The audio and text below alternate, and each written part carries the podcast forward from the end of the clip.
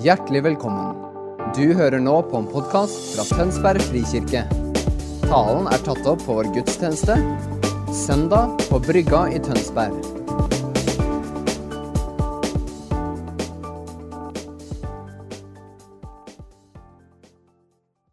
God søndag, dere. Vi er da på slutten av den serien vi tror på Den hellige ånd, og vi er også på slutten på den trefoldige, holdt jeg på å si, eh, om nådegavene. Og da er det denne gangen så er det om tjenestegavene. Vi skal altså se på de fem, det som vi kaller de fem tjenestegavene. Og da vil jeg at du skal legge merke til at det, når vi leser teksten, at det med de fem tjenestegavene som jeg skal forklare, de står midt i et avsnitt om enhet. Hvis du ikke husker noe annet, så husk det. Da leser vi første bilde, Efeserne 4, 3-16.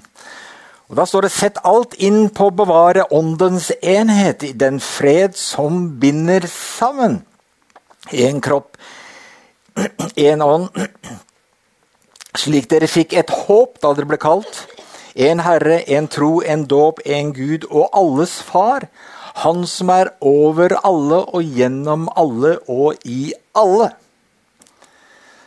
Vi skal altså sette alt inn på å bevare åndens enhet. Perspektivet er ikke menneskelig enighet, men en enhet som tilhører og skapes av Den hellige ånd. Når vi går inn for det.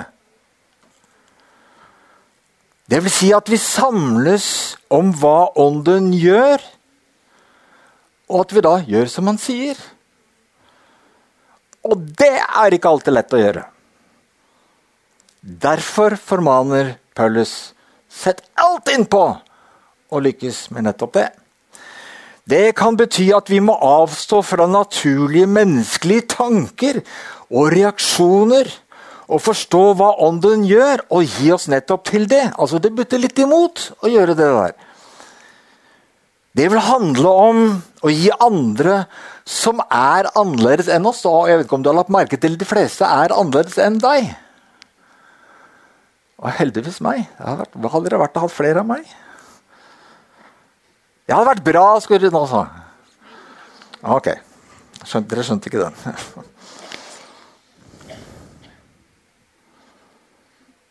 Det vil handle om å gi folk som er annerledes enn oss, rom til å være dem selv.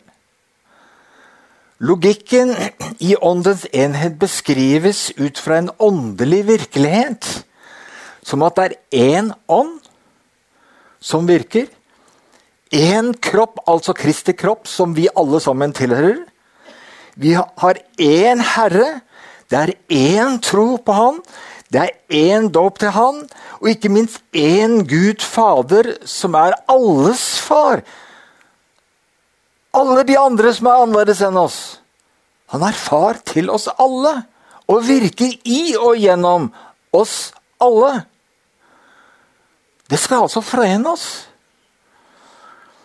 Tanken er da at vi skal være forsiktige med å kritisere andre av Guds barn eller tjenere som er annerledes enn oss. Som han likevel bruker, nemlig. Tenk at han bruker andre som er annerledes enn meg.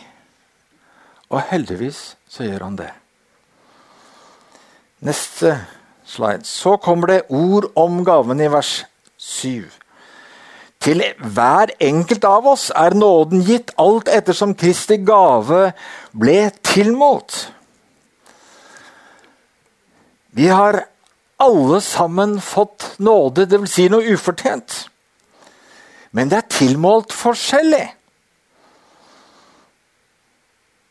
Sier du hurra da? Når jeg hører Gud gir forskjellig? Jeg hører barn rope 'Urettferdig! Urettferdig!' Ja, Syns du det er ålreit at Gud gir mer til andre enn deg? Ja, jeg ser det veldig åndelig ut her. Det er liksom ingen som ikke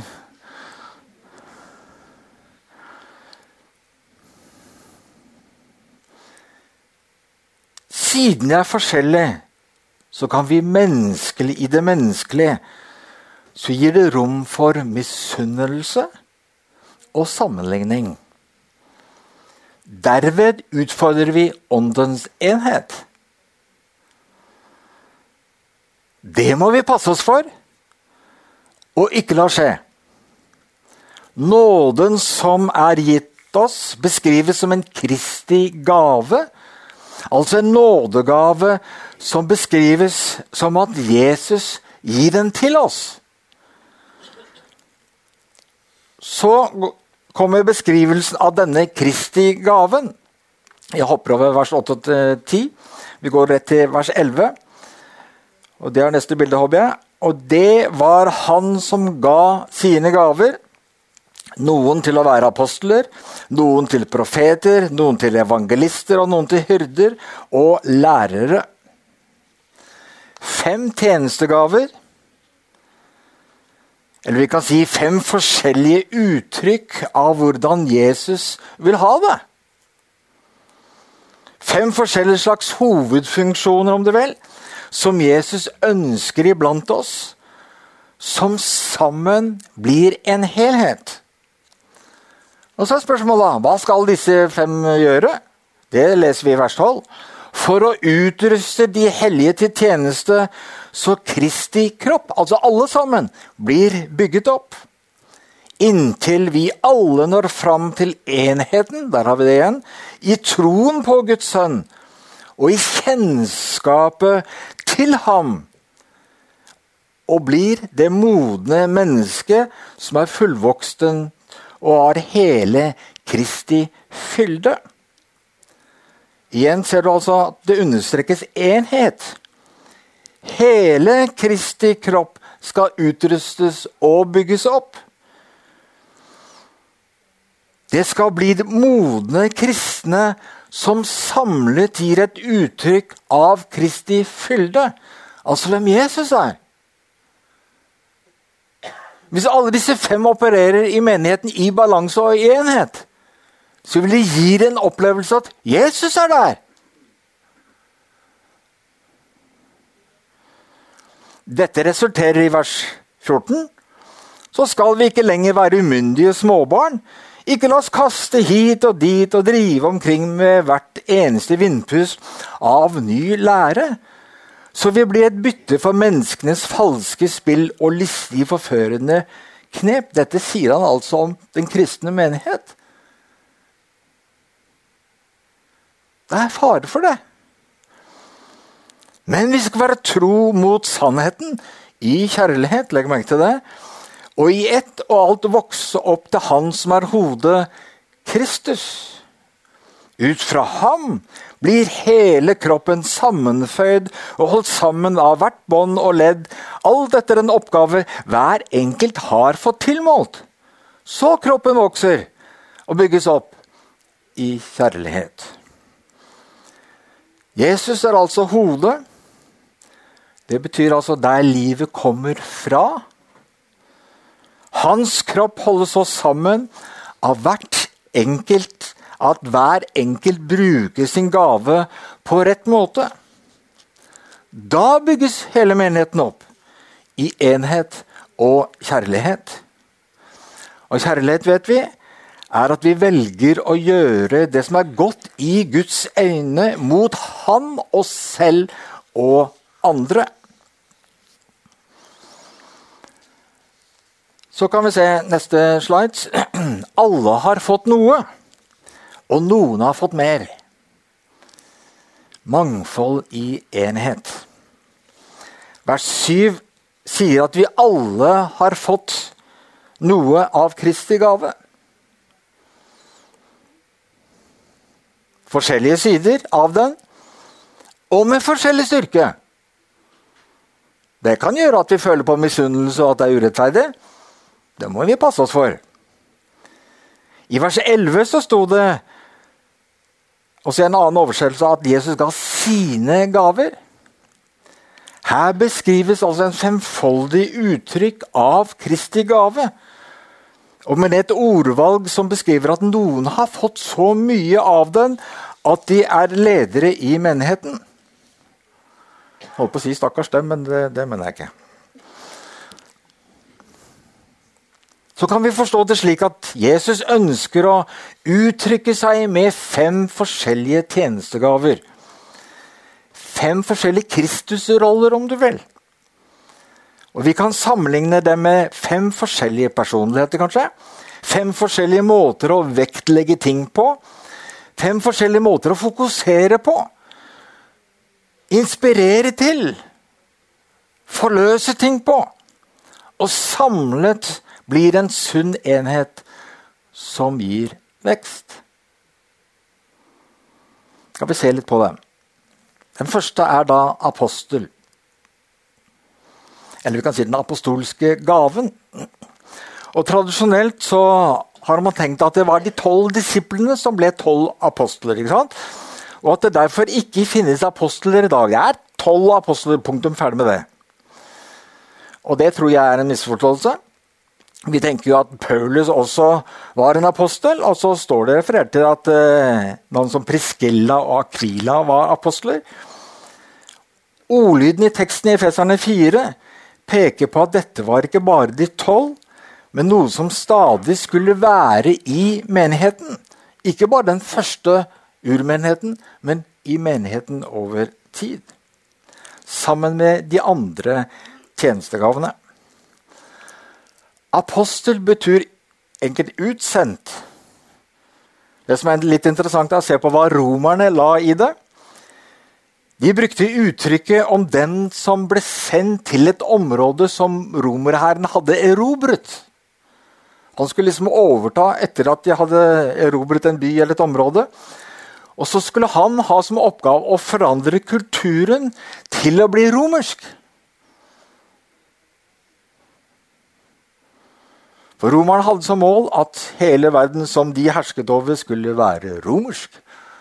Tenke som romerne handle som romerne og være romere, mer eller mindre. Tenker vi ut fra Guds rike, da, så ville da en apostel med denne betydningen forløse en Guds rike-kultur i menigheten.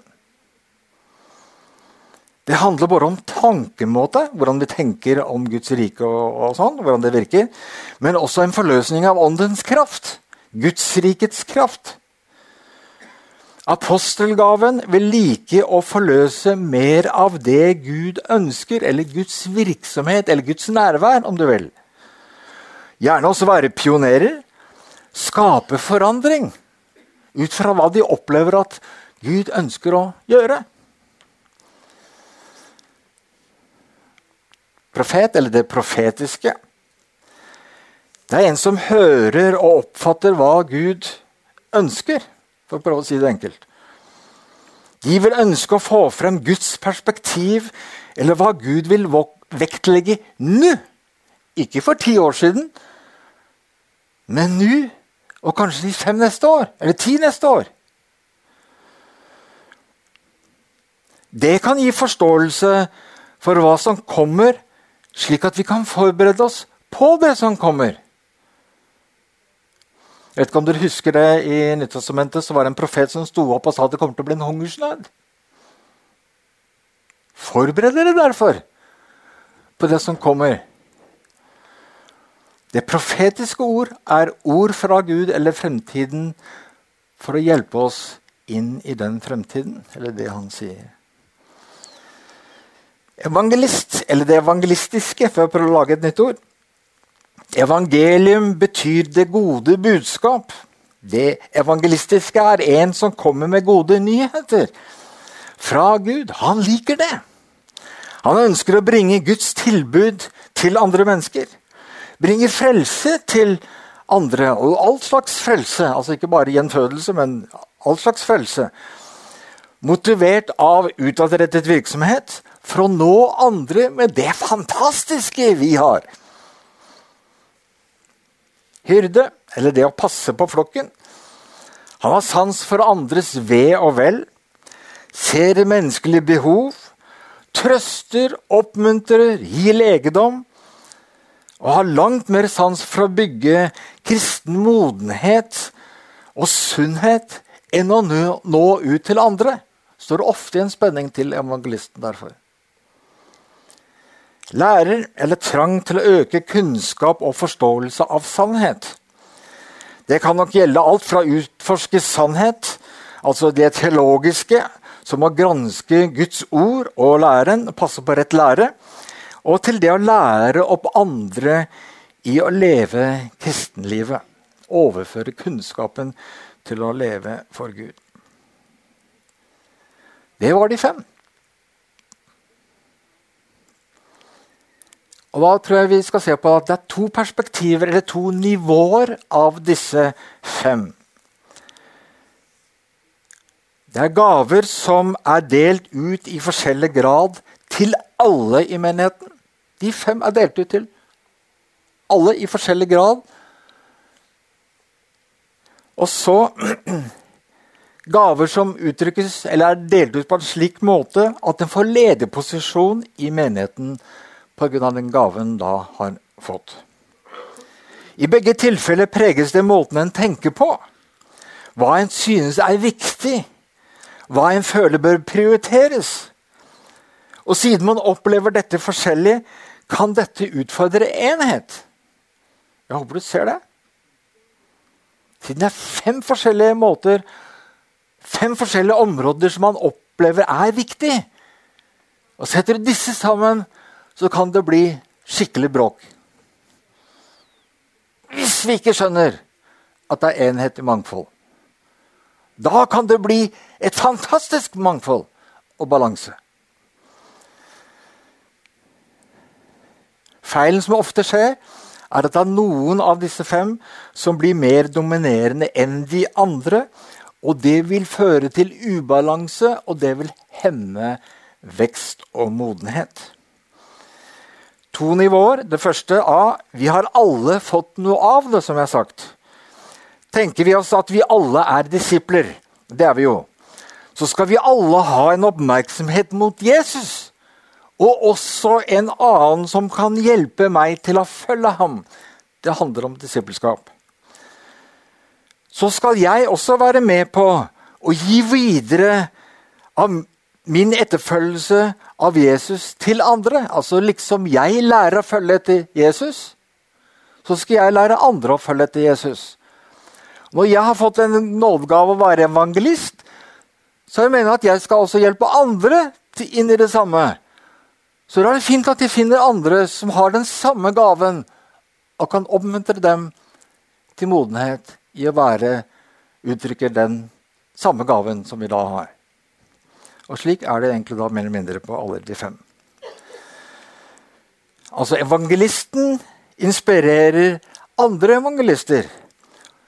Og lærer dem til å finne sin gave og uttrykke sin gave. Hyrden inspirerer andre som har hyrdegave, til å fungere i sin gave og så videre med alle disse fem.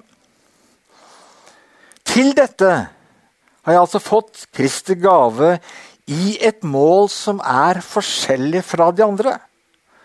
Gaven og graden vil gjøre at jeg inspirerer eller føler noe er mer viktig enn andre ting. Og er for at vi skal prioritere det som jeg føler er viktig. selvfølgelig. Poenget er at jeg uttrykker og lever dette som er min gave. Det er samme med andre som gjør det samme med sin gave.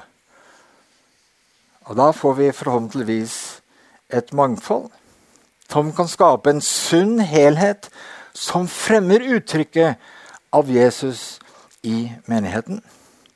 Og hvis mange gjør dette, og som f.eks. ikke lar de mest taleføre dominere det hele, da skapes usunnhet. Hvis vi har en balanse, så skapes modenhet. Det andre nivået er at noen har fått så mye at de får en lederposisjon. Vi ser da at noen gir påvirkning som har innflytelse til langt flere. Det er ikke bare meg og en annen. Men det er en som har innflytelse i sin personlighet og ut fra sin gave. på en måte har en større innflytelse. Flere hører på vedkommende. Og da vil det naturlig at de får en posisjon som leder i en menighet. Vi skjønner da at liksom når alle i menigheten får leve ut sine gaver og vektlegging, og det skaper sunnhet og vekst, ser dere samme angående lederskapet. Det er derfor vist at i menighetsledelsen har flest mulig av disse fem gavene. Og det er selvfølgelig lettere i dess større menigheten er. Dess mindre menigheten er, dess kanskje vanskeligere er å få et femfoldig uttrykk av dette i menighetens ledelse. Veldig lurt å ha disse fem iallfall Eldsterådet i frikirkesammenheng. Tar vi så et lite kritisk blikk på menighetene, så ser vi at de to dominerende gavene pleier å være hyrde og lærere. Menigheten ledes av en person med en av disse to gavene vanligvis. Og vi kaller dem pastorer. Det kan være veldig misvisende da, egentlig. Det vil føre til at hele menigheten er preget av deres gave. Enten hyrde eller lærer. Vekt på den rette teologi og lære, eller på at omsorgen at menigheten skal være et godt sted å være. Da kan jo man sånn, eh, bli kvitt en pastor i ny og ne, så da kan man jo veksle mellom de to for å prøve å få en balanse mellom de to. ikke sant? Ta fem år på hver av dem. Eller hvordan du gjør det. Det utadrettede perspektivet med å nå nye og se frelse er langt mer fjernt. Og vi kan vanskelig da forberede oss på slikt. Det blir et lite motivasjon for det. En forståelse byrde for hva Gud gjør nå, altså det profetiske, i vår tid er også mer fjernt. Og Vi kan derfor også vanskelig forberede oss på det. En forståelse i å gjøre nye ting og åndskraft til forandring og se Guds virksomhet og vilje forløs i oss, er også mer fjernt. Det misjonale perspektivet som vi har snakket om, er også vanskelig å gripe. Ny satsing for å fremme Guds rike oppleves truende hvis pastoren din er en hyrde, og du er ingen andre i lederskapet. Da er det en ubalanse. Selv om alt det han gjør, er riktig og bra, så blir det en ubalanse, for det er en femfoldig uttrykk Jesus er ute etter.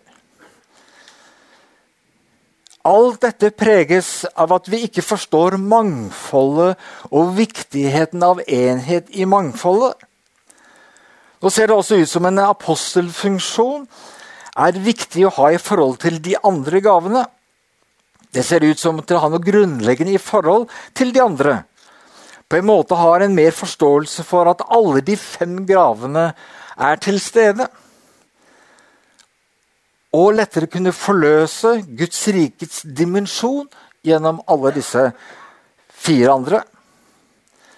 Det betyr at hvis de andre gavene, disse andre fire, forholder seg til apostelfunksjonen, vil de kunne se sin egen gave i mer sammenheng og et forhold til det Gud vil, og bli inspirert og ledet til det. Det vil føre til en mer naturlig misjonal bevegelse vi får ikke bare vår egen menighet i fokus, men også verden rundt oss. Jeg hørte noen som sier at den forfoldige tjeneste er som fingrene. Og da pleier man å definere tommelen som apostelen. Og det interessante med at tommelen trengs til alle de andre. Så er det profetiske som kan peke, ikke sant? og så liksom, kan du lure på hva de andre tre har. Men det apostolske på en måte har en funksjon i forhold til alle Sammen så blir det et gripetak, og sammen blir det en balanse. Til slutt, nærmer slutten, litt om 1. Korinterne 12,28, for det er altså et eh, sted hvor det står om dette.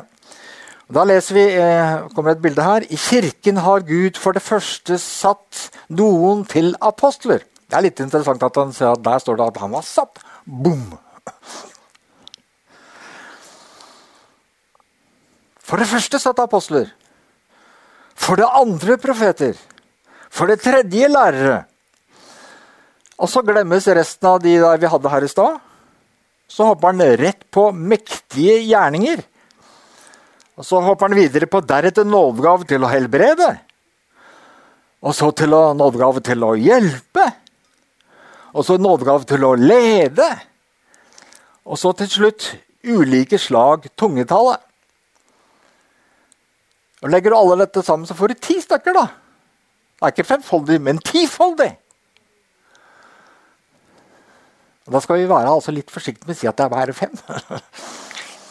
Selv om jeg tror i forhold til lederskap så er det et, poeng der. Alle sammen trenger å gis plass.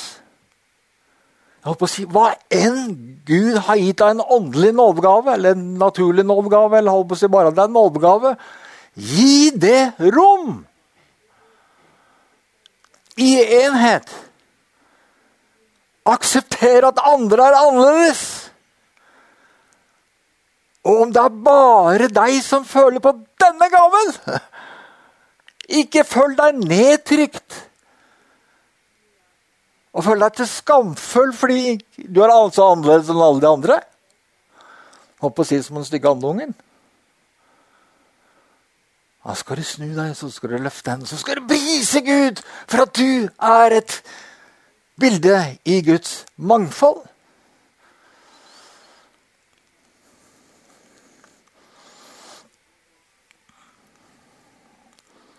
I menighetsledelse er det faktisk da fint å ha mektige gjerninger. altså. Og det er tankevekkende at det hører du lite om. Men Følges nevner det av folk iblant dere som har sans for og byrde for mektige gjerninger. Så kan det bety mange forskjellige ting. Men så står det også da nådegave til helbredet. At vi har folk iblant oss som liker det med helbredelse. Derfor har vi også helbredelsesrom. Vi skal høre med det, selv om det kan vekke anstøt. Ja, forskjellige hjelpetjenester det er alle de praktiske tjenestene. Siden musiker ikke står der Jeg sa det til musikeren i dag tidlig at dere syns jeg er litt dårlig gjort at det ikke står musikere her. Det burde jo iallfall vært det siden av lærere eller noe sånt. Iallfall før hyrde, etter min mening. Men vi får putte dem i en hjelpetjeneste, da. Men det er viktig at talentene til å bringe ære til Gud ved musikk og lovsang at det får sitt uttrykk. Gud gir altså gaver til menigheten som er flere enn de fem. Og poenget er la oss gjenkjenne dem, og la oss bruke dem. Jeg har tre minutter igjen. Yeah! Skal jeg prøve å beskrive litt sånn eksempler? Ta meg som eksempel. Jeg har læregaven, det har dere sikkert skjønt. de som har vært i menigheten en stund. Men det interessante med læregaven er at jeg er ikke motivert til å finne den rette lære, selv om jeg vet at det er viktig. Altså, jeg er ikke noen teolog. Men jeg liker heller å formidle en kunnskap eller visdom i hvordan andre kan leve kristenlivet. Jeg vil vise hvordan du gjør det. Slik uttrykkes min læregave, eller formaning, kan vi kanskje kalle det. Paulus bruker det uttrykket et annet sted. Å forløse tro og kraft, et åndelig gjennombrudd, føler jeg er veldig mye vanskelig. Jeg liker det kjempegodt, men jeg syns det er veldig vanskelig å få til. Også på eksempel så husker jeg da I begynnelsen av Ungdom i oppdrag, da jeg var leder for kursvirksomheten, så kom vi da med disse elevene dette at vi skulle snakke om åndsfylde, eller åndsdåp, eller hva du liker å kalle det. Og da er det riktig å ha en sunn forståelse Altså en kunnskap av hva Gud mener med dette. Men så kommer det til det punktet at det hjelper ikke bare å forstå det. Du må komme igjennom! Du må erfare det! Og Det fant jeg at det funka veldig dårlig for meg. Og det som jeg fant ut fungerte godt for meg, jeg kunne forklare det. Og det jeg Da gjorde, da fant jeg en venn av meg som var typisk evangelist. Jeg prekte først. Så fikk jeg han til å komme. Og det interessante er at Etter at han var ferdig, så var det ingen som huska hva han sa. Meg huska hva han sa. Men da han var ferdig, så hadde alle sammen tro og entusiasme til å ta imot alt det jeg hadde forklart dem.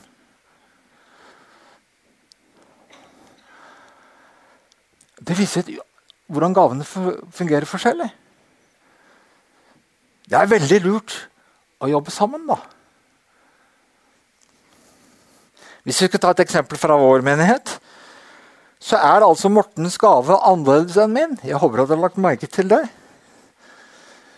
Han er også flink til å undervise, men har altså faktisk da en mer apostolsk gave. Det betyr at det jeg i mange år underviste om Guds rikes kultur i menigheten, kan han mye lettere forløses til en åndelig virkelighet og erfaring i menigheten. Det fører til at det er lettere for oss med Han på plass til å erfare Guds overnaturlige virksomhet i vår midte. Og så kan jeg da tenke da urettferdig! Kan jeg misunne han? Så kunne jeg lage sånn splittelse i menigheten. Hvem er med meg?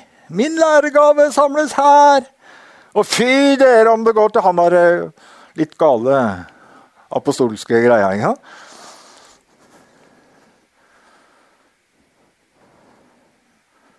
Forskjelligheten utfyller hverandre. Og Gud vil at alle fem, eller alle ti, da, skal være på plass.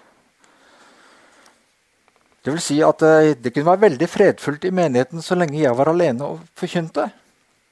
For Det er lettere for folk å forholde seg til tankebygninger. I det øyeblikk du begynner å frigjøre det inn i et åndelig landskap, som den apostolske gave gjør, da får du bråk. Da rokker du på religiøsitet. Menneskelig kontroll. Og det har vi faktisk erfart i menigheten. Folk som kom til menigheten pga. min forkynnelse, ble støtt fra menigheten når Morten forløste det jeg forkynte. Og det er et paradoks. Men det viser forskjellen på det. Og det er om å gjøre å ha mangfoldet. La oss oppsummere. Alle har fått noe. Derfor gjenkjenn det Gud har gitt deg. Prøv deg fram og utvikle det sammen med andre. Finn andre som har den samme gaven, da. Og hjelp hverandre. Og så er det ikke så farlig hva du kaller det. Mener jeg, Det er kanskje gærent å si det, at du burde egentlig finne en av de fem. da, Men jeg sier bare, bare begynner å fungere i det, så er det det det handler om. Viktigst, iallfall. Og viktigst av alt som Paulus utfordrer til i alt dette med disse nådegavene som er forskjellige, og tjenesteposisjonene som er forskjellige, må vi holde fast på ved åndens enhet. Ellers kan det som er til en mangfold og positivt, bli faktisk til at vi forkrøpes. Hvis du tar enheten bort, så vil alt gå i stå. Det handler altså om at vi løfter perspektivet utover det vi opplever er viktig, til også det andre ser er viktig, og at det også kan høre med. At vi gir rom for et mangfold selv om det er utfordrende. Og folkens, Det er meningen at det skal være utfordrende. For da må vi søke åndens hjelp og åndens enhet. Da fremmes det Jesus ønsker å gjøre i menigheten. Gode Far i himmelen. Takk for alt det du har gitt oss ved Jesus Kristus. Ikke bare frelse og en åpen himmel. At vi er dine barn. Men at du også ved Jesus Kristus gir oss gaver som ikke er gaver fordi vi har gjort oss fortjent til det, men det er nådegaver. Hjelp oss til å gjenkjenne disse gavene. Og hjelp oss aller mest til å bevare dem i åndens enhet. Og gi hverandre rom ettersom du virker. I Jesu navn. Amen.